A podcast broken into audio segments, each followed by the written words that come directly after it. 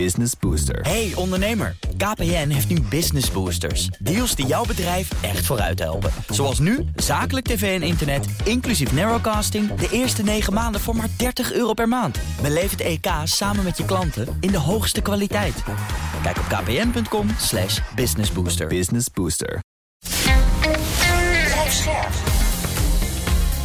BNR Nieuwsradio. Napleiten. Wouter Laumans en Christian Vlokstra. En ze hadden de telefoon van het meisje waarin eh, de te- telefoongegevens van een hele hoop klanten stonden. Daar kon justitie mee aan de slag. Officier van justitie heeft toen op die proforma zitting gezegd van nou goed, eh, wij hebben hier bewijsmateriaal tegen klanten en wij komen je halen. Het maakt ons niet uit of je een gezin hebt, of je kinderen hebt, of je werk hebt, maar we komen je halen.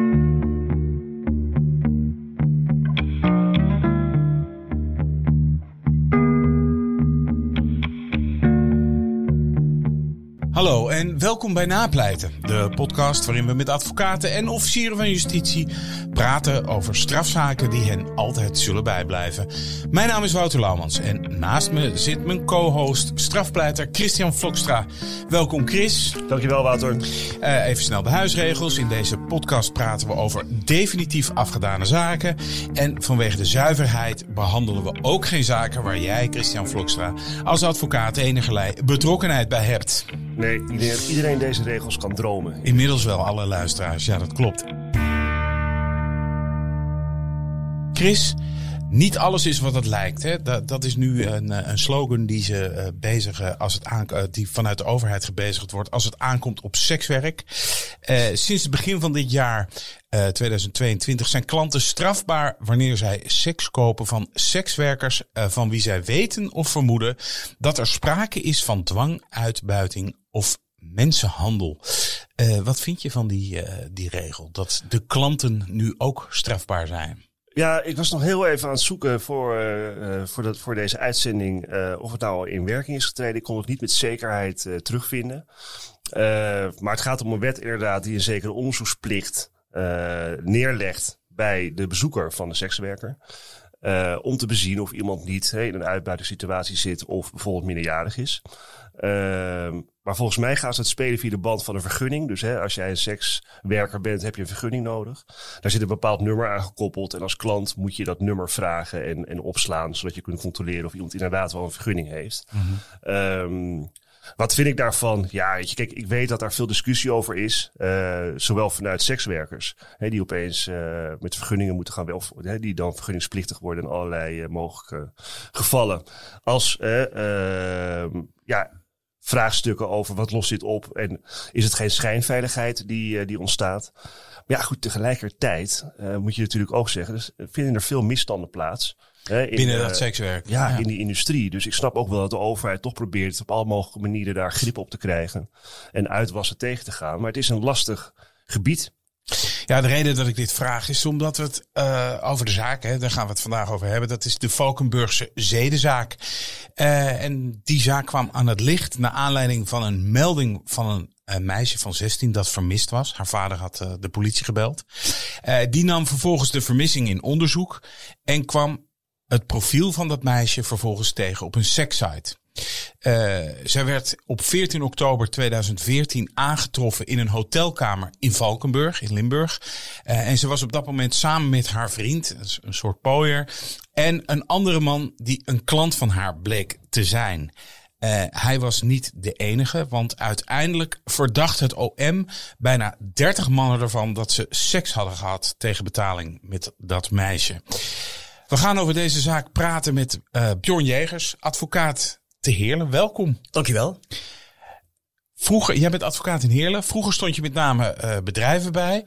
Maar zo gaandeweg ben je overgestapt naar straf- en jeugdzaken. Wat, eh, hoe is dat gegaan? Ja, ik ben mijn stage begonnen in Venlo, een heel groot kantoor, civielrechtelijk. Daar sta je veel bedrijven bij. Heel af en toe is een strafzaakje daar gedaan. En toen merkte ik wel van ja, dat strafrecht is veel spannender, veel dynamischer. Dat trok mij veel meer. Toen ben ik op een gegeven moment terug naar eh, Heerlen gegaan. Ja, dan merk je toch dat datgene wat je het leukste vindt, waar je passie ligt, ja, daar, daar word je dan ook beter in. En ja, daar ga je dan ook meer in ontplooien. Dus uiteindelijk heb ik dat civiele ja, een beetje laten varen. En richt ik me nu op het strafrecht en het jeugdrecht. Er zit dan wel nog een civiele component aan. Ja, oké. Nou ja, en het civiele recht, dat is natuurlijk wel handig, is ook in het strafrecht wordt uh, uh, steeds belangrijker. Uh, met name ook als het gaat om bijvoorbeeld vorderingen benaderde partijen. Ja. Hè? Dus, dus benaderde partijen, aangevers, slachtoffers. die kunnen vorderingen tot schadevergoeding indienen in een strafzaak. Um, en die kunnen ook steeds gecompliceerder en uitgebreider worden. Hè? De wet geeft daar ruimte voor. en die worden ook vaak bijgestaan door slachtofferadvocaten met een duidelijke civiele achtergrond. Dus uh, dan is het wel handig als je uh, daar ook wat tegenover kan stellen, of niet? Ja, die vorderingen, dat zijn tegenwoordig vaak dikke boekwerken. Ja. Dat gaat vaak op een zitting langer over de vorderingen van de benadeelde partij dan over de feiten. Dus. Maar heb je daar wat aan je civiele achtergrond, merk je jawel, dat? Jawel, je, ja. je, je, kunt dan wel, denk ik, sneller wat civiele verweren uit de kast trekken. Ja. ja, dus in die zin is het wel handig geweest dat je ooit ja, zeker. op die manier begonnen bent. Ja, dat denk ik wel, ja. We gaan het vandaag hebben over die Valkenburgse zedenzaak. Ja. die kwam in 2014 aan het licht. Uh, Wanneer, weet jij nog wanneer jij er voor het eerst van hoorde? Ja, ik heb de eerste keer daarover gehoord uh, toen de loverboy in kwestie, de pooier, toen die op zitting kwam. Volgens mij was dat een proforma zitting. En uh, daar heeft de officier van justitie in die zaak best wat forse uitspraken gedaan. En dat kwam breed in de media. En dat heb ik de eerste keer ook kennis van genomen. Ja, want wat, wat zei die officier van justitie? Ja, de officier van justitie zei, kijk, je moet weten, de politie heeft dat meisje aangetroffen in die hotelkamer. En vond daar ook uh, in een emmertje op de badkamer negen gebruikte condooms. Dus de politie had toen DNA-materiaal van klanten. Uh, en ze hadden de telefoon van het meisje, waarin uh, de te telefoongegevens van een hele hoop klanten stonden. Dus ja, daar kon justitie mee aan de slag. Officier van justitie heeft toen op die proforma zitting gezegd van, nou goed, uh, wij hebben hier bewijsmateriaal tegen klanten. En wij komen je halen. Het maakt ons niet uit of je een gezin hebt, of je kinderen hebt, of je werk hebt, maar we komen je halen. Ja, even, voor, maar misschien even voor de, voor de, voor de duidelijkheid. Hè? Dus die, ja, ja excuus, maar die, die, uh, die jongen, die, die loverboy, Poyer, hè, die werd vervolgd voor mensenhandel, neem ja, ik aan. Correct. Um, maar dat meisje was minderjarig. Dus hè, de klanten zouden, hè, die werden verdacht van het seks hebben met een minderjarige tegen betaling. Correct. Ja. Klopt. En daarvan werd door het ten aanzien van die klanten werd door de officier van justitie in de mensenhandelzaak van de Loverboy werd op de eerste proforma op een openbare zitting geroepen: we gaan uh, we gaan ja. ze halen, die klanten. Ja, klopt. Zo is het gegaan. Jammer dan als vrouw lief open doet, uh, dat zei justitie. Maar voor ons weegt de, de seksuele uitbuiting weegt zwaarder. Poeh. Ja, dat, ja, is, dat een, zijn dat is een hele stevige uitspraak. Helemaal als je uh, dus weet van jezelf, ik ben uh, misschien een. wel haar klant geweest. Ja, goed, ik zei toen, ik weet nog dat ik tegen een kantoorgenoot zei van hier gaat een hoop problemen van komen. Want ja. dit slaat natuurlijk een hele hoop uh, gezinnen, gaat het instaan als een bom. Ja. Want die mannen, ja, die, die denken van moet ik dat thuis opbiechten? Moet ik niks doen en wachten? Zullen ze komen? Komen ze niet? Dus je zit wekenlang, zit je natuurlijk in uh, knagende onzekerheid. Ja, dat is eigenlijk een ongekende manier van, uh, van, van aankondigen, van opsporen eigenlijk. Ja. En ook onnodig, hè? Nou ja, ik weet, nog dat, ik weet ook nog dat dat uh, naar buiten kwam. En dat dat ook echt, dat was gewoon groot ja. landelijk nieuws. Dat was niet iets wat uit de regio in Limburg nee, nee, daar bleef. Zeker. Dat was echt een knaller van een, van, van een nieuwsverhaal. Toen. Ja, ik weet eigenlijk bij mezelf ook niet wanneer ik daar nou van hoorde. Maar dit weet ik nog wel, dat dit gebeurde. Maar toen stond jij nog niemand bij toen dat speelde, toch? Nee, er stond nog niemand bij, nee. nee. nee. Wanneer veranderde dat voor jou? Dat was denk ik een aantal maanden later toen uh, mijn cliënt mij belde en zei van joh, ik heb, uh, ik heb hulp nodig, want volgens mij heb ik iets doms gedaan. Oké. Okay. Ja. En toen heb je, wat, ja. toen heb je, wat heb je toen gedaan? Toen heb ik hem uitgenodigd, heb ik hem naar kantoor laten komen. Ik, en dan heb ik gevraagd, wat is er gebeurd? En toen bleek dat hij dus al twee keer bij de politie was geweest. Eerst uh, in de week na die beruchte uitspraak van de officier heeft hij zichzelf gemeld bij de politie. En twee maanden daarna is hij uitgenodigd voor verhoor om als verdachte te komen. Is hij ook zonder advocaat naartoe gegaan, heeft hij weer een verklaring afgelegd. Ja, want had hij het benauwd? Ja, goed, hij had natuurlijk ook uh, gehoord wat die officier van justitie gezegd had. En hij wist in ieder geval dat hij sms-contact had gehad met dat meisje. Ja. Dus hij had denk ik het vermoeden van, ja, ik ben een van de mannen die misschien wel bezoek kan verwachten. Want hij ja, heeft geen bezoek gehad thuis. Hij is gewoon ja, zelf uit voorzorg. Hij, zeg maar, ja, hij is al na, na een paar dagen na uh, die uh, proforma zitting tegen de Loverboy, is hij naar het politiebureau Maastricht gereden en heeft hij gezegd, ik wil hier iets uh, komen vertellen. Ja. Toen hebben ze gezegd, nou je mag over een week of twee uh, mag je terugkomen. Nee, toen heeft hij meteen daar een verklaring afgelegd. Maar hij heeft toen meteen al een verklaring Heeft hij meteen een verklaring afgelegd. En twee maanden later werd hij officieel als verdachte opgeroepen om hem als verdachte te horen. Want in eerste instantie heeft hij gewoon een getuigenverklaring afgelegd. En toen heeft hij, daar is hij ook zonder advocaat geweest. Is hij ook En- zonder advocaat geweest. Ja, dat is meestal heel onhandig, eh, Wouter. Ja, want nou ja, de fallout van die zaak was eh, dermate groot dat volgens mij zijn daar ook eh suicides geweest, toch? Of, of hoe zat dat? Ja, er zijn in de loop van, die, eh, van het onderzoek zijn er twee mannen die eh suïcide hebben gepleegd. Ja, dat klopt. Ja, dus het waren twee mannen die, eh, die wisten dat zij eh, verdachten zouden zijn. En eh, die hebben er alle twee een, een, een, een tragisch einde aan gemaakt, ja. Maar is dat, is dat ook duidelijk geworden? Dat, dat hij zelfmoord verband hield met ja, het, het- de, dreiging van een, een strafzaak? Een- Ja, ik, weet, ik kan me herinneren dat er over een van die, die mannen is er wel een artikel geweest in de, in de media. Ja, goed, in de- ik zou zeggen, als zij alle twee verdachten zijn, Ja. zou het wel heel gek zijn als er geen verband zou zijn Ja. met, eh, met de zaak natuurlijk. Hè. Ja, kijk, misschien wel, het is nog wel even van belang hoor, denk om, om toe te lichten, ook voor de, voor de luisteraar. Hè, want misschien zou je eerste reactie zijn, hè, als jij eh, op bezoek gaat bij minderjarige sekswerker en je gaat tegen betaling seks hebben daarmee, hè, dan mag je aan de hoogste boom. En natuurlijk moet justitie die mensen pakken, maar dat ontkent natuurlijk ook niemand. Hè. Als jij strafbare feiten pleegt, dan kan justitie achter je aankomen. Maar het gaat natuurlijk nergens over om dat op deze manier aan te kondigen. En eigenlijk ook aan te kondigen dat, dat, hè, dat, je, dat ze je privéleven kapot gaan maken. Want dat, dat is wat er eigenlijk gewoon gezegd, gaat, eh, gezegd wordt impliciet. Terwijl het niet nodig is, omdat ja, als jij mensen identificeert hè, die, eh, die daar eh, seks hebben gehad tegen betaling. Ja, dan kun je ze benaderen, je kunt ze een brief sturen om, om gewoon te komen op, hè, op verhoor bij de, hè, bij de politie.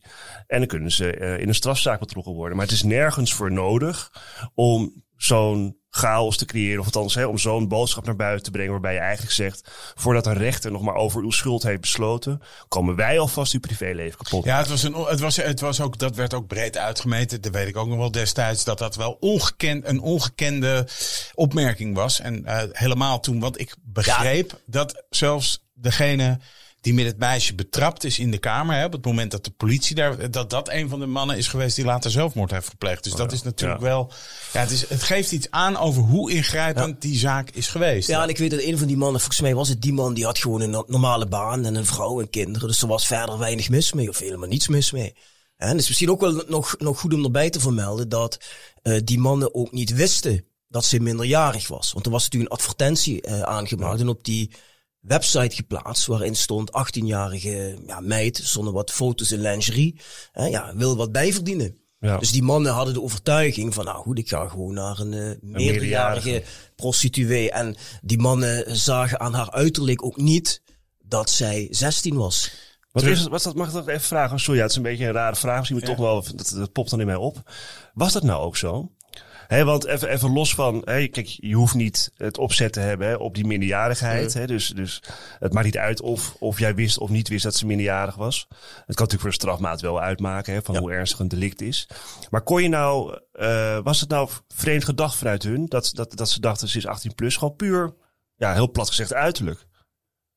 Ja, zo is het inderdaad gegaan. Ja, bedoel, Nee, maar vond jij dat ook, of niet? Kon jij, of heb je geen foto's gezien dat je dacht, nou, ik snap ik, wel. Ik heb, ik heb haar zelf niet gezien. Ik heb wel foto's in het dossier gezien. Ja, goed, en dan denk je inderdaad van, als je zegt dat het 18 is of 20 of 22, ja, dan neem je dat aan. Maar ik, ik kan me alleen maar verwijzen naar die verklaringen, want al die mannen die zijn natuurlijk verhoord. En die zeiden allemaal van, ja, goh, ik schrok mijn hoedje toen ik hoorde dat zij minderjarig was. Dat had ik helemaal niet daarna afgezien. Toch even advocaat van de duivel Zeker, spelen in zeker. Ehm, want L1, die, eh, of 1 Limburg, die heeft op de site staan van wie deze verdachten dan eh, waren. Hè? En dan hebben ze het over verdachte 1, die is 23, die woont nog thuis.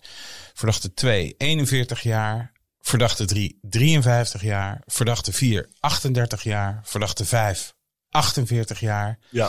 Verdachte 6, 49 jaar. Eh, verdachte 7, 33. Even kijken. Verdachte Maar het is- 8, 46. Ja, wacht heel even. Nee, maar het gaat, ook, het gaat natuurlijk ook om verhoudingen. Waarbij, waarbij ik me dus wel iets kan voorstellen. Dat als je als eh, teamleider van zo'n onderzoek zit van... Wauw, wat zijn we allemaal vrij. Eh, over het algemeen eh, zijn dat kerels die... die vaak eh, de, de dubbele leeftijd hebben van het slachtoffer in deze zaak. Ik snap wel dat je dan als, als politieman of eh, als officier van justitie toch wel even denkt van goh, waarom wat zo'n jonge meid. En het is allemaal niet, het is allemaal niet eh, strafbaar. Dat, dat, geef ik je gelijk. Maar ik, ik vraag me dat wel dan ook gelijk af. Denk van nou, ik weet niet of ik dat nou of ik dat zo fraai vind. Ja, ik, ja, ik heb daar wel. Ja, kijk, ik kan je helemaal volgen, Wouter. Totaal. Weet je, als jij als 43-jarige naar een 18-jarige prostituee Die dat gaat, ook als zo adverteert, hè? ook op als een je, site. als, ook als je dat, denkt dat ze 18 is. 18 stond in de advertentie. Eh, 18 in de Kijk, advertentie daar vind, ik, daar, vind ik, 53. daar vind ik als mens ook wat van. Hè? Ja, nee, oké. Eh, alleen het punt is natuurlijk een beetje dat dit om een strafzaak gaat. En dat is niet onbelangrijk, omdat het dus gaat om het feit: is iets strafbaar ja of nee? Nou goed, dat is het in dit geval wel, omdat ze minderjarig bleek. Ja. Maar je te maken hebt met politie en justitie die professioneel zijn. Eh, en dat maakt het verschil. Ja. Juist omdat zij professioneel zijn en die afstand hebben, zullen ze dus ook in zo'n kwestie juist moeten voorkomen hè, dat, dat ze door dat soort mededelingen eigenlijk ook een hele maatschappij ophitsen hitsen, al bij voorbaat van kijk, deze lui, dat zijn de smeerlappen. Eh, terwijl je in een strafrechtelijke context bezig bent en gewoon moet kijken van hey, hoe gaan we hier zorgvuldig onderzoek doen? Tu- Tuurlijk, Maar want goed, dat- weet je, we volgen elkaar ik- allemaal. Dat, nee, maar dat geef ik je ook. Ik bedoel, ter- terwijl ik die lijst zit voor te lezen, zie ik ook staan, joh, die hebben kinderen, die hebben banen, die zijn soms die banen kwijtgeraakt. Dat heeft een hele grote impact gehad. Laten we even teruggaan naar jouw eh, eh, cliënt, eh, Bjorn. Jij ging met hem doornemen. Hoe is dit allemaal gebeurd? En wat heb jij bij de politie gezegd? Want hij had gezegd, ik heb twee verklaringen afgelegd bij de politie. Wat dacht jij toen als advocaat zijnde? Zonder advocaat daarbij. Ja, ik kende die verklaring nog niet, maar ik dacht wel van, oh jee, dat is normaal eh, niet goed hè. Als je zonder advocaat in zo'n zware zaak eh, naar de politie gaat je gaat maar gewoon iets lopen roepen. Dus eh, ja, toen heb ik hem wel gevraagd van, vertel mij eens tot in detail wat je er precies verteld hebt. Nou, Ja, het was een hele, een hele gek verhaal, een beetje warrig verhaal. Hij heeft verteld dat hij eh, op straat iemand tegenkwam. Die vroeg hem of hij even zijn telefoon kon lenen om een sms'je te versturen. Dat had hij gedaan. Ja, daar ga je al hè. Dat had hij gedaan en een aantal uren later kreeg hij een anoniem telefoontje. Eh, hij nam op en er werd hem verteld door degene die hem belde dat eh, een vriend van hem eh, zijn hulp nodig had. Die vriend zou in een hotel in Valkenburg zitten. En of hij daar naartoe wilde komen met wat geld eh, om die vriend te helpen. heeft hij ook verteld wie die vriend was? Heeft hij niet verteld. Hij is vervolgens in zijn auto gestapt naar Volke, Valkenburg gereden, naar het betreffende hotel eh, in kwestie. En eh, hij heeft verteld dat hij daar een kamer naar binnen ging en dat daar twee getinte mannen stonden die hem bedreigd hebben, die hem eh, zijn geld hebben afgepakt en die op een gegeven moment ook nog tegen hem gezegd hebben van ja, als je wil kun je ook seks hebben met een vriendin van ons hier. En wilde hem ook een condoom in de handen duwen. Nou, daar heeft hij toen van gezegd, ja nee, dat wil ik niet. En toen mocht hij gaan. En dat is in ieder geval het verhaal wat hij verteld heeft. En toen heb ik tegen hem gezegd van ja, ehm, als iemand het tegen jou zou vertellen, zou je dat zelf geloven? Zei hij, ja, nee, eigenlijk niet. Zeg, ja, waar- waarom vertel je dat dan? Ja, zegt hij, ja, omdat ik eh, gewoon bang was dat, eh, dat, dat, dat de politie mij kwam halen thuis, zoals ze hadden aangekondigd. En ja, ik wilde kosten wat kost voorkomen dat ze bij mij in de deur kwamen. Want wat is hij voor man? Wat is, wat, wat, wat, wat, is het voor iemand? Ja, een hele gewone normale jongen. Volgens mij was hij toen eh, begin twintig. Ehm, gewoon werk, ja, helemaal niks mis mee. Had hij een vriendin? Toen niet, geloof ik. Oké, dus dat zou in principe dan toch niet zoveel uitmaken als iemand bij hem thuis kwam. Nou ja, Nou ja. Goed, eh, de straat staat natuurlijk wel te kijken van, komt de politie bij Ja. jou in de deur doen, hè? Dus eh, ik denk niet dat, ik denk dat niemand dat leuk vindt. Kijk, ik kan in die zin eh, even los van of dit verhaal geloofwaardig is, ja of nee. eh, Ja, nee, kijk, ik bedoel, laten we wel wezen. Als Ik ik, dit hoor, een kletsverhaal. Nee, dat dat verhaal zullen ze dat- in die voorkamer ook gedacht. Ja, dat verhaal, dat verhaal is natuurlijk een, een, een kletsverhaal. Eh, maar kijk, daarnaast, kijk, ik kan me los van of die man een gezin heeft en een vriendin heeft of wat dan ook. eh, sowieso wel de paniek wel voorstellen. Ik bedoel, eh, eh, dat je gewoon opeens in een strafzaak bent beland. Eh, waarvan je ook wel weet dat dat mega veel eh, aandacht gaat krijgen. Want het was natuurlijk toen vol in de media, vol in de aandacht. En zeker in, in, in, in Limburg. Ik bedoel, eh, niet dat het in Amsterdam klein zou zijn, maar weet je, het is natuurlijk daar een enorme happening gaat aan worden. Merkte jij dat, dat iedereen het erover had daar in Limburg? Ja, iedereen. Iedereen. Ja. Ja. Nee, maar die, die, die, die mannen die werden ook vrij snel gedagvaard om op zitting te komen. Mijn cliënt ook. En eh er was, geloof één of twee weken voor de inhoudelijke behandeling was er nog een regiezitting. Om even alles te inventariseren of het dossier klaar was. Of er nog onderzoekswensen waren. Nou goed, en eh, daar, daar moesten al die 29 mannen die voor de rechter moesten verschijnen, die kwamen daar. Alleen niemand kwam opdagen, alleen advocaten. Maar ja, de hele landelijke en lokale pers zat wel in die zaal. Ja, dat weet ik nog wel. Ja. En, en ehm, ja, ik weet nog dat de, de voorzitter aan mij vroeg van ja, eh, gaat uw cliënt komen naar de inhoudelijke behandeling? Ja, reken er maar niet op. Want als ik zie hoeveel eh, media hier is, daar, daar trekt hij niet aan. Dus hij gaat niet komen.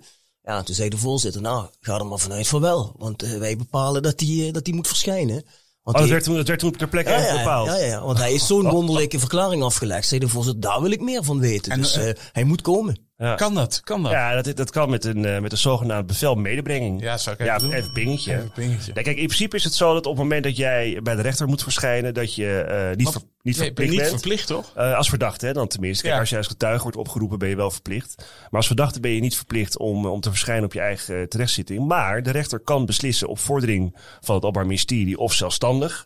Eh, dat je wel verplicht bent om te verschijnen. En dan kunnen ze een, een bevel medebrenging afgeven. Wat eigenlijk, waar het, waar, ja, eh, als je niet komt, komen ze je halen. Daar komt het eigenlijk op neer. Hè, dan, komt er gewoon, dan komen ze je gewoon halen met, de met de een busje en dan Ja, eh, ja. moet je mee. En, Dus ja, dan weet je ja, of ik... als of het ik straatje dan niet mag zien, dat is vrij onhandig, neem ik Precies, aan. dus ja, dan, dan, dan komen de meesten natuurlijk wel, komen natuurlijk wel opdagen. Eh, maar goed, dat geeft natuurlijk ook wel weer aan dat zo'n rechtbank eh, zegt: jongens, deze openbare terechtstelling die hier gaat plaatsvinden met de hele landelijke pers. Openbare terechtstelling. Ja, maar dat is natuurlijk is wel- dat van onzin? Nee, Ja, goed, ik, ik zet het een beetje zwaar aan, eh, Wouter. Maar goed, het is natuurlijk wel zo wat hij zegt. Een, een, een regiezitting in zo'n zaak, de hele landelijke pers, alle tekenaars, de hele eh mythische bende. Ja, maar dat En, is ook niet voor niks. Ik bedoel, Nee, dat is, nee, maar iedereen weet hoe het werkt. Ja. Alleen als zo'n zo'n rechter, laat ik het zo zeggen. In een reguliere zaak, als je zo'n zaak hebt hè, met een verdachte, die wordt, hè, die, die wordt gewoon helemaal buiten de media om berecht voor zo'n kwestie. En het is gewoon bij de politierechter en hij komt verschijnt niet. Dan zal die politierechter waarschijnlijk die zaak gewoon afdoen. Hè, maar nu is het een enorme zedenzaak. Eh zit de hele landelijke pers er. Die verdachten die durven niet te verschijnen. de maatschappelijke En dan- verontwaardiging Zeker. is groot. Ja, maar ja, goed, dat is natuurlijk ook een soort eh, zichzelf in de baar eh, voedende Ja. visuele cirkel. Geeft de media maar weer de schuld. Nee, ik geef niet de media de schuld. Ik geef, je mag toch gewoon kijken hoe de dynamiek werkt. En op het moment dat de rechter dan zegt, hey, als hij niet verschijnt, hij gaat echt wel verschijnen. Ik zeg alleen maar daarmee, dan daarmee zet die rechtbank natuurlijk ook enorme druk op die verdachte. Van, u gaat hier komen. En wat is natuurlijk, laten we ook eerlijk zijn, Wouter. Ik geef de media niet de schuld. Maar het is toch ook in zekere zin een openbare terechtstelling, of niet soms. Het is toch ook een beetje aapjes kijken. Van, hé, hey, wie komen hier? Dat de hele landelijke pers zit te kijken welke verdachten bij zo'n zaak naar binnen komen, of niet? Ik ga, nou, ik ga het aan Bjorn vragen. Hoe gedroeg de pers zich? Ah, Bij deze Nou. openbare terechtstelling, eh, om eh, iemand naast mij te citeren. Nou, eh, de pers gedroeg zich heel netjes, moet ik zeggen. Kijk. Want, want uiteindelijk hebben wij natuurlijk wel tegen die media gezegd van... Hey jongens, kunnen jullie ons een plezier doen? Ehm, als je hier een artikel over schrijft, zou je dan ehm, geen namen willen noemen. En de achternamen noemen ze natuurlijk meestal niet. Maar dan wordt het vaak eh, Wouter L. bij Uit, spreken, eh, ja, Ja. precies. Ja, dat, dat wil je ook niet hebben. Dus nu werd er gewoon gezegd, een 25-jarige man uit Heerlen. Jij zat met een cliënt en die had, eh, als ik het goed begrijp, twee keer een verklaring eh, bij de politie afgelegd. En die verklaringen waren nou niet eh, ehm, heel erg in zijn voordeel. Klopt. Wat doe jij dan? Ja, goed. Het enige wat je kunt doen, denk ik, is het dossier grondig doornemen. En dat ga je met je cliënt bespreken. En ik heb ook tegen hem gezegd van ja, luister, kijk, iedereen weet dat dat een kulverhaal is. Dus vertel het ook gewoon op de zitting dat dat een kulverhaal is. En dan vertel je daar op de zitting hoe het dan volgens jou wel gegaan is. Ja, en dat heeft hij gedaan. En dan moet je ook een beetje geluk hebben eh, dat je cliënt hebt die zich goed kan presenteren op zitting. Sommige mensen kunnen dat, anderen niet. Maar als je iemand hebt die dat heel goed kan, ja, dan kan het in zijn voordeel weer eh, uitpakken. En hij kon dat heel goed. Heb je dat verhaal, neem je dat dan helemaal met hem door van tevoren? Ook, eh, is dat dan een soort rollenspel of hoe moet ik dat zien? Ja, je gaat natuurlijk wel kijken waar de sterke punten in zitten en de zwakke punten. Met name ook voor de, be- de bewijsvoering van het OM. Hè. Zitten daar gaten in of is dat helemaal rond? Eh, waar kun je eventueel eh, op schieten? Ehm, ik, meen, ik meen inderdaad wel met hem dat we een soort van rollenspel gedaan hebben. Dat, dat, dat ik net deed of ik de voorzitter van de rechtbank was. Hè, om Ja. hem wat kritische vragen eh, te stellen. Ik zeg, well, die vragen ga je geheid krijgen. Ja. Ja. want een van die vragen die hij natuurlijk ging krijgen was het feit dat hij 18 sms'jes eh, dat die over en weer gestuurd waren met tussen hem en de dame in kwestie. Dat was natuurlijk wel behoorlijk dat je zegt zo. Ja, nee, dat klopt. Hij heeft ook uiteindelijk gezegd van ik heb die advertentie gezien. Het leek me wel wat. Ik wil een afspraakje maken. Ik heb erop gereageerd. Eh, ik heb eh, die afspraak gemaakt. Daarvoor hebben wij over en weer naar elkaar zitten sms'en. Ik ben ook naar Valkenburg gereden. Ik heb geparkeerd bij dat eh, hotel. Ik stapte uit. Op een gegeven moment zie ik daar bij die toegangsdeur zie ik een, een donkere man staan. En die begon mij te wenken dat ik, dat ik daar naartoe moest. En toen zei hij van ja, dat vond ik heel vreemd. Want ik had met een vrouw afgesproken. Dus wat doet die kerel daar? Ja. Zegt hij, daar had ik geen goed gevoel bij. Dus toen eh, ben ik wel uitgestapt. Ik ben een stukje naartoe gelopen. En op een gegeven moment dacht ik van ja, dit voelt niet meer goed. Dus ik ben omgedraaid, ik ben in een auto gestapt en ik ben weggereden. Ja. En dat is ook het ver- verhaal wat hij op zitting heeft. Dat is het verhaal dat je op zitting heeft verteld. Wat ik me nog afvroeg hè, tijdens die zitting. Ik bedoel, daar stonden eh, bijna 30 eh, verdachten terecht. Was dat tegelijkertijd eigenlijk, of niet? Dat weet ik Nee, niet. nee, nee. Nee, gewoon achter elkaar. Achter elkaar. Ja. Van dagenlang of zo is dat. Ik geloof een dag of drie. Hoeveel tijd was er eh, voor de zaak van jouw cliënt uitgetrokken? Voor de, voor de behandeling van de feiten?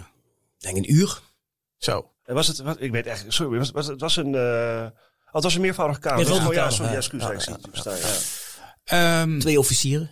Twee officieren. Ja. Ja, want ze hebben, dat begreep ik ook, de richtlijnen aangepast hè, voor die zaak. Eh, eh, even kijken. Dus in juli 2015 begon die zaak, geloof ik. En in juni was eh, dus een maand, of om en nabij eh, enkele weken eerder, was een speciale richtlijn in het, in het leven geroepen. Eh, en daarin stond dat er veel zwaarder moest worden gestraft voor dergelijke zaken. Het Openbaar Ministerie zou minimaal zes maanden eisen voor seks tegen betaling met een minderjarige van 16 of 17 jaar. Chris, Ja, dat is een 16 en beetje- 17 jaar, is dat nog een grensgeval? Of, of... Nee, nee, in dit geval niet. Hè? Dus, omdat je dus, het gaat hier dus niet om, om, om de vraag of jij wist of had kunnen weten dat het om een minderjarige ging. Het feit dat het een minderjarige is, maakt al dat de seksuele eh, gedragingen tegen betaling strafbaar zijn. Maar kijk, wat hier natuurlijk heel raar in is, waar je het hebt, is- zijn de richtlijnen van het Openbaar Ministerie. Ehm, kijk, de richtlijnen van het Openbaar Ministerie zijn eigenlijk niet zoveel waard. In die zin, de rechter is er totaal niet aan gebonden. Die is gewoon vrij in de strafoplegging. Ehm, alleen, het geeft natuurlijk wel aan hoe het Openbaar Ministerie in de zaak staat. Eh, en je kunt aan de richtlijnen als verdachte kun je wel enige rechten ontlenen. Hoe bedoel je? Ehm, nou, omdat, kijk, als het eh, richtlijnen, dat is een beetje een juridisch verhaal, maar richtlijnen, officiële aanwijzingen van het Openbaar Ministerie, ook bijvoorbeeld richtlijnen, eh, hè, hoe te handelen bij, bij bepaalde strafvoorlijke zaken, daar zijn zij aan gebonden. Eh, vaak. En daar kun jij dus als verdachte, als dat in je voordeel werkt, kun je hun daar aan hun houden. Ehm, maar wat hier gebeurt is natuurlijk heel gek, is dat ze gedurende een strafzaak opeens hun richtlijnen verhogen. Waarom deden ze dat volgens jou, eh, Bjorn? Nou, je hebt natuurlijk in deze zaak ook te maken met artikel 22b, het taakstrafverbod. Waarin eh, staat dat voor bepaalde ernstige feiten er geen eh, taakstraf kan worden opgelegd. Ja, dat is een, betrekkelijk, dat is een betrekkelijk nieuw was dat toen. hè? Ja, dat was toen inderdaad nieuw. En eh, moet ik even nadenken. Ja, dus eh, ja, en, en in het licht van, van, van, van, die wettelijke bepaling zeiden de officieren van justitie van ja, luister, je, je mag voor dit feit, zo'n zedenzaak behoort tot die categorie, kun je geen kale taakstraf opleggen. Maar de wetgever heeft bedoeld dat hier substantiële gevangenisstraffen voor moeten staan. Dus ja, goed, in de zaak tegen mijn cliënt werd er eh, twaalf maanden onvoorwaardelijk geëist. Ja. Zo. En, eh, En dat Ja, was op basis van die nieuwe richtlijnen. dat dus. was op basis van die nieuwe richtlijn, ja. dus in die zin was deze zaak ook een testcase. Ja, precies. Ja, goed, kijk, en wij kunnen natuurlijk dan wel roepen als verdediger van ja, het is maar een richtlijn van het OM. Hè, ik bedoel, er is de rechter niet aan gebonden per se. Maar ja, het zet wel de toon. Als het OM 12 maanden eh, vraagt, onvoorwaardelijk, ja, dan wordt het in de regel wel een tikje lastiger. Als jij zegt, doe maar eh, 80 uur werkstraf. Maar kijk, het raar is natuurlijk wel, en dat is, dat is natuurlijk wel een van de rechtsprincipes die we hebben, hè, is dat je, dat je eh, vervolgd wordt op basis van de regels zoals die waren. Op het hè, moment van het feit. Van het feit. Ja. Dus hè, dat je niet opeens een, een hogere strafbedreiging hebt terwijl het feit al begaan is. En dat is natuurlijk ook een principe wat bij rechters natuurlijk wel eh, in het hart zit. Omdat het gewoon, ja, dat is gewoon het legaliteitsbeginsel. Dat, Ja, dat maar is, rechters ja. zijn er ook creatief mee omgegaan op zich. Ja. Hè? Want eh, de rechtbank zei, ja goed, in, in de zaken van de verdachten die dan wel werden veroordeeld. We lopen even op de zaak vooruit. Want ik Ja. wilde eerst, ik, daar komen we straks onge- ongetwijfeld op. Want ik wil eerst van jou weten, toen jij die twaalf maanden hoorde. Wat dacht jij toen? Want je had natuurlijk te maken met twee verklaringen die hij had afgelegd bij de politie. Waarvan je kon zeggen, nou, dat waren niet al te beste, eh, beste dingen, eh, eh, klant van mij. En vervolgens die verklaring op zitting. En vervolgens komt die eis 12 Maar maanden. hoe ging dat eigenlijk? Hoe ging dat verklaren op zitting? Want dat is nog wel een dingetje. Ja. hè? Ik bedoel, hij moet, hij moet dan voor het eerst die verklaring op zitting afleggen. Ja, dat deed hij heel goed. Ja. Heel goed. Hij zei, hij zei van, nou, nou meneer de rechter, eh, meneer en mevrouw de officier, om te beginnen wil ik mijn excuses aanbieden. Hè, want ik heb iets heel doms gedaan, omdat ik in paniek was door de woorden van de officier van justitie. Ik ben naar de politie gegaan, ik heb dat verhaal opgehangen in de hoop hè, dat ik buiten schot zou blijven. Dat had ik niet moeten doen. Ik had meteen gewoon eerlijk moeten zijn dat ik een afspraak wilde maken. Maar ik ben niet bij haar binnen geweest. Ik heb haar niet aangeraakt. Ik heb geen seks met haar gehad. Dus ik vind niet dat ik eh, veroordeeld moet worden daarvoor. Zijn DNA was niet aangetroffen. Zijn DNA is niet aangetroffen, zijn, eh, het meisje had ook verklaard van dat zij de mannen die bij haar waren geweest als klant, had zij met naam en nummer opgeslagen in haar telefoon. Zijn naam en nummer stonden niet in die telefoon. Dus het waren wat ontlastende punten. Maar is het dan niet, want kijk, een vraag die ik zou stellen als rechter of als officier, zeg maar, waarom vertelt u dat in vrees niet bij de politie dan? Ja, daar heeft hij voor gezegd, ja, dat is heel dom. Maar ja, omdat ik in paniek was. En als je in paniek bent, dan denk je niet goed na. Dus ik heb ook niet goed nagedacht. Dus ik Ja. heb, eh, ja, daarvoor heb ik een hele stomme actie uitgehaald. Wat Maar, voor- maar daar hebben wij nog voor gezegd van ja, kijk maar dat mensen in paniek gekke dingen doen. Want hier hadden twee verdachten moeten zitten, maar die hebben zelfmoord gepleegd. Ja. En hij is eh, naar de politie gegaan en even een zwetsverhaal opgehangen. Ja. Ja. Ja. Ja, dus ja. Ik vroeg me nog af, heeft, heeft, eh, heeft het eh, slachtoffer of de eh, minderjarige sekswerker, heeft die een verklaring afgelegd over alles wat er gebeurd is? Wat heeft zij gezegd? Ja, ze heeft meerdere verklaringen afgelegd. Eh, zij heeft in het begin heeft zij gezegd dat zij dit allemaal zelf wilde. Ehm, dat heeft ze ook eigenlijk wel, eh, wel volgehouden. Eh, later heeft ze wel steeds wat meer verteld dat, dat eh, die boy of die loverboy haar daar ook wel toe gebracht heeft. Ehm, ze heeft ook gezegd dat, ja, dat hier meer geld in te verdienen was dan in de supermarkt vakken vullen. Dus ze liet wel een beetje blijken van, dat ze niet helemaal gedwongen was. Had ze verklaard over jouw cliënt of niet? Nee, ze heeft over, de, over alle klanten heeft ze eigenlijk gezegd van, weet je, ik heb zoveel mannen gezien in die twee weken. Ik, ik, ik, zou, ik zou helemaal niet meer kunnen, kunnen zeggen wie, welke man wel of welke man niet. Dus ze heeft van de mannen, van geen enkele man een beschrijving gegeven wat dat betreft. Maar goed, het Openbaar Ministerie eh geloofde duidelijk het verhaal van jouw cliënt dus niet. Twaalf maanden. Nee, die zeiden van, eh, dit, is een, eh, wat hier vertelt op zitting en bij de politie, dat zijn kennelijk leugenachtige verklaringen. Dus die mogen we als bewijsmiddel tegen hem gebruiken. En daar hebben wij voor gezegd, nee, dat is niet zo. Want als je kijkt naar de inhoud van het dossier, dan eh, past zijn verklaring binnen de bewijsmiddelen zoals die er zijn. Want het meisje had ook bij de politie verteld van ja, er zijn best wel wat mannen geweest die kwamen hier opdagen, maar als ze dan de pooier zagen, dan hebben ze rechtsomkeerd gemaakt. Ja, ja. Dus Misschien ja, wel eventjes van belang, jongens, de, de, de, de, de kennelijk leugenachtige verklaring. Ehm, wat, wat, wat bedoelt eh Bjorn daarmee te zeggen, is dat op het moment dat jij een verklaring aflegt als verdachte. Kijk, als verdachte hoef je niet de waarheid te spreken, hè, zoals een getuige dat wel moet doen. Dus een verdachte mag in principe liegen. Alleen op het moment dat je eh, daarop gesnapt wordt, om het zo maar te zeggen, dat je gelogen hebt, dan ben je natuurlijk daarna weinig geloofwaardig meer. Alleen, je kunt ook situaties hebben dat een verdachte een verklaring aflegt die niet zozeer ongeloofwaardig is, maar die gewoon feitelijk gelogen blijkt, objectief gezien. Eh, en dan is hij dus kennelijk leugenachtig. En dan kan die kennelijke leugenachtigheid, die kan gebruikt worden, ja, je zegt als bewijsmiddel, maar eigenlijk als ja, een soort redengevend eh, element, bewijsmiddel, zeg maar, om ja, uiteindelijk tot een, tot een beweesverklaring te komen. En zo kan eigenlijk je eigen verklaring uiteindelijk Ja. tegen jou gebruikt worden eh, op die manier. En dat is dus in dit geval gebeurd. Nou, Nee, maar dat is wat, maar- wat maar OM wilde. Maar Ja. dat staat eigenlijk nergens op. Want je kunt niet vaststellen. Nee. Kijk, je kunt zeggen, we vinden zijn verklaring ongeloofwaardig. Ja. Maar je kunt niet vaststellen dat die gelogen is. Want ik bedoel, niemand is erbij geweest. Nee, want de rechtbank zei eigenlijk van nee, dat is geen kennelijk leugenachtige verklaring. Want wat hij nu op zitting vertelt, dat hij met haar ge- ge-sms'd heeft, dat kunnen we zien. Ja. En dat hij rechtsomkeerd heeft gemaakt, dat kunnen we niet uitsluiten. Nee. Want het meisje vertelt dat er mannen waren die rechtsomkeerd hebben gemaakt. Dus wij kunnen, dat verhaal wat hij hier nu vertelt, kunnen wij niet van zeggen dat dat niet kan kloppen. Dus gaat hij vrij uit. Want hij is vrijgesproken. De Hij is rechtbank is vrijgesproken. meegegaan met zijn, eh, met zijn verklaring. Ja. Ja. En wat dacht jij toen? Ja, goed. eh, kijk, wij- wisten wel al die tijd dat het alles of niet zou zijn natuurlijk. Hè. Het was of de rechtbank eh, gaat dan mee met die verklaring die hij op zitting aflegt. Ja. En als ze hem zouden veroordelen, ja, dan, dan, dan, dan waren we wel bang dat gevangenisstraf... eh, Wat had, jouw cliënt, had jij je cliënt überhaupt op, 12, op een eis van 12 maanden voorbereid? Nou, in eerste instantie had ik dat niet gedacht. Maar wij, wij waren niet aan de beurt op de eerste zittingsdag. Volgens mij waren we op de tweede zittingsdag. Ja, dus je Dus wist al een beetje wat er ging komen. ik wist al de eisen in, eh, in de zaken van andere mannen. Dus ik wist wel dat het ergens tussen de zes en de twaalf 12 maanden zou zijn. Ja. Want wel, wat voor straf, weten jullie dat nog? Wat voor straf heeft de rechtbank eigenlijk opgelegd in, in zaken die wel bewezen Nou ja, eh, uiteindelijk volgens mij 180 uur taakstraf en één dag gevangenisstraf. Ja, nee, even kijken hoor. Taakstraffen, eh, want dat staat ook in het lijstje van eh 1 Limburg. Dat staat allemaal taakstraf. Ja. Eén dag onvoorwaardelijk. En dat is meestal volgens mij de dag die ze dan al hebben doorgebracht Ja. in de, hè, in de cel. Ja, dat is wat, wat, wat Bjorn net noemde. Hè. Het, ja, we noemen dat nu het taakstrafverbod. Hè. Dat was toen de tijd zo dat je... Je kon wel een taakstraf opleggen. Maar dat kon in, hè, Ja. eh, alleen maar in combinatie met een gevangenisstraf. Eh, maar ja, dat werd, eh, nog steeds eigenlijk, dat wordt dan opgelost met ja, de dag die je al gezeten hebt bij de politie.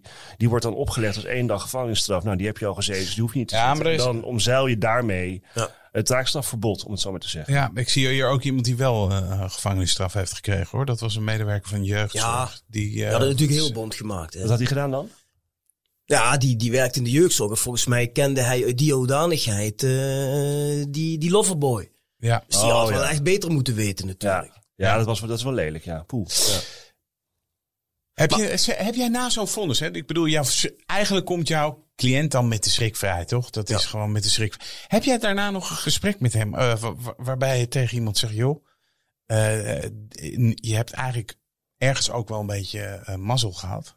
Eh, of of is, is dat niet aan jou? Ja, ik vraag het maar gewoon. Wel, wij waren altijd wel heel erg open tegen elkaar. En ik weet nog dat ik toen op vakantie was op de dag dat dat, dat vonnis bekend werd. Toen lag ik op het strand. Maar ja, natuurlijk wel in deze zaak gewoon gaan bellen met de Griffie, want je wil het toch weten. En daarna heb ik ook uitgebreid met hem eh, gesproken. En ja, goed. eh, we wisten natuurlijk wel dat, eh, dat hij een groot risico had genomen met hoe hij zich in eerste instantie had opgesteld. Maar ik vond uiteindelijk... Maar misschien ook wel door met zo'n sekswerker in zee te gaan, toch? Ja, dat is natuurlijk wel een risico. Dat, is natuurlijk een risico. Ja, tuurlijk. Maar la- laat ik het zo zeggen. eh, na deze zaak denk ik dat iedereen zeker een gewaarschuwd man was. Maar in 2014, voordat deze zaak speelde, to- toen werd er nooit een klant eh, vervolgd. Dit was de eerste keer dat justitie eh, de klanten ging aanpakken. Dus ja, op dat moment denk ik dat de klanten nog niet zoiets hadden van wij nemen een risico. Na deze zaak denk ik eerder. Was het voor hem een grote opluchting? Ja, uiteraard. Maar in die zin ook, wat, wat, had jij een inschatting van tevoren waar de rechtbank op zou uitkomen? Of had je echt iets, hè, soms weet je wel aan de hand van hoe de behandeling ter zitting gaat, van nou, hè, dat gaat deze kant op. Of, of had je dat helemaal niet? Nee, dat liet de rechtbank niet echt blijken. Maar ja, Nee. ik, ik, ik vond wel heel sterk dat, hoe je het ook went of keert, in deze zaak lag er helemaal niets seksuele tastbaars gedragingen bewees. dat hij eh, seks met haar had gehad. nee. Het enige wat ze konden aantonen was dat hij totaal was gereden. Ja. Maar dat, er, dat hij binnen was geweest of iets Ja. had gedaan met haar, Ja. dat bleek eigenlijk nergens uit. Ja. Dus wat dat betreft... Ja, kijk, en zelfs dan een kennelijke leugenachtigheid, waar we het net over hadden, kan de seksuele gedraging natuurlijk niet bewijzen. Dat slaat nergens op. Tot slot, eh, dat, daar was ik nog even benieuwd naar. Ehm, is nou ooit bekend geworden dat hij in deze zaak eh, verwikkeld is geweest? Nee, is nooit, iemand, is nooit, eh, is nooit bekend geworden. Van Dus hem zijn niet, hele maar ook van omgeving- andere mannen niet. Zijn hele omgeving weet niet dat hem Iemand. eh, in, in- toen destijds een, wel echt een zwaard van Damocles boven het hoofd gehangen heeft. Er is niemand die dat weet. Ja.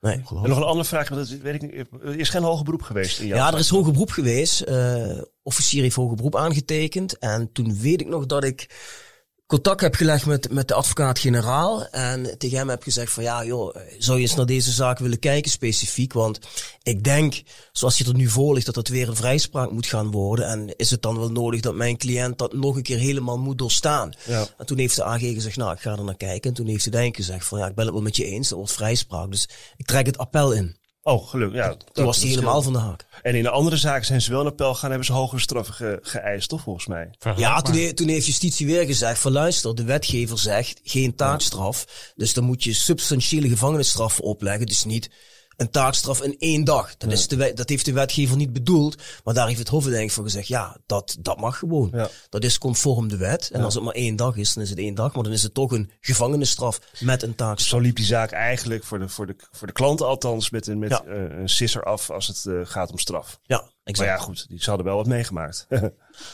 Ook ja, misschien wel, ook wel, misschien wel eh, een lesje geleerd, hè? Zeker Wouter, dat ben ik volkomen met jou eens. Goed. Hey, dankjewel eh Bjorn Jegers voor dit verhaal. Bedankt voor de uitnodiging. Dit was Napleiten. De uitspraak in deze zaak kunt u nalezen op rechtspraak.nl. Mijn naam is Wouter Laumans en naast me zit co-host advocaat Christian Vlokstra. Deze podcast is te beluisteren op Apple Podcasts en Spotify. Vergeet u vooral niet te abonneren, dan bent u op de hoogte als er weer een nieuwe aflevering online staat. Verder zijn we uiteraard te volgen op Twitter en Instagram. Dank voor het luisteren en graag tot de volgende keer.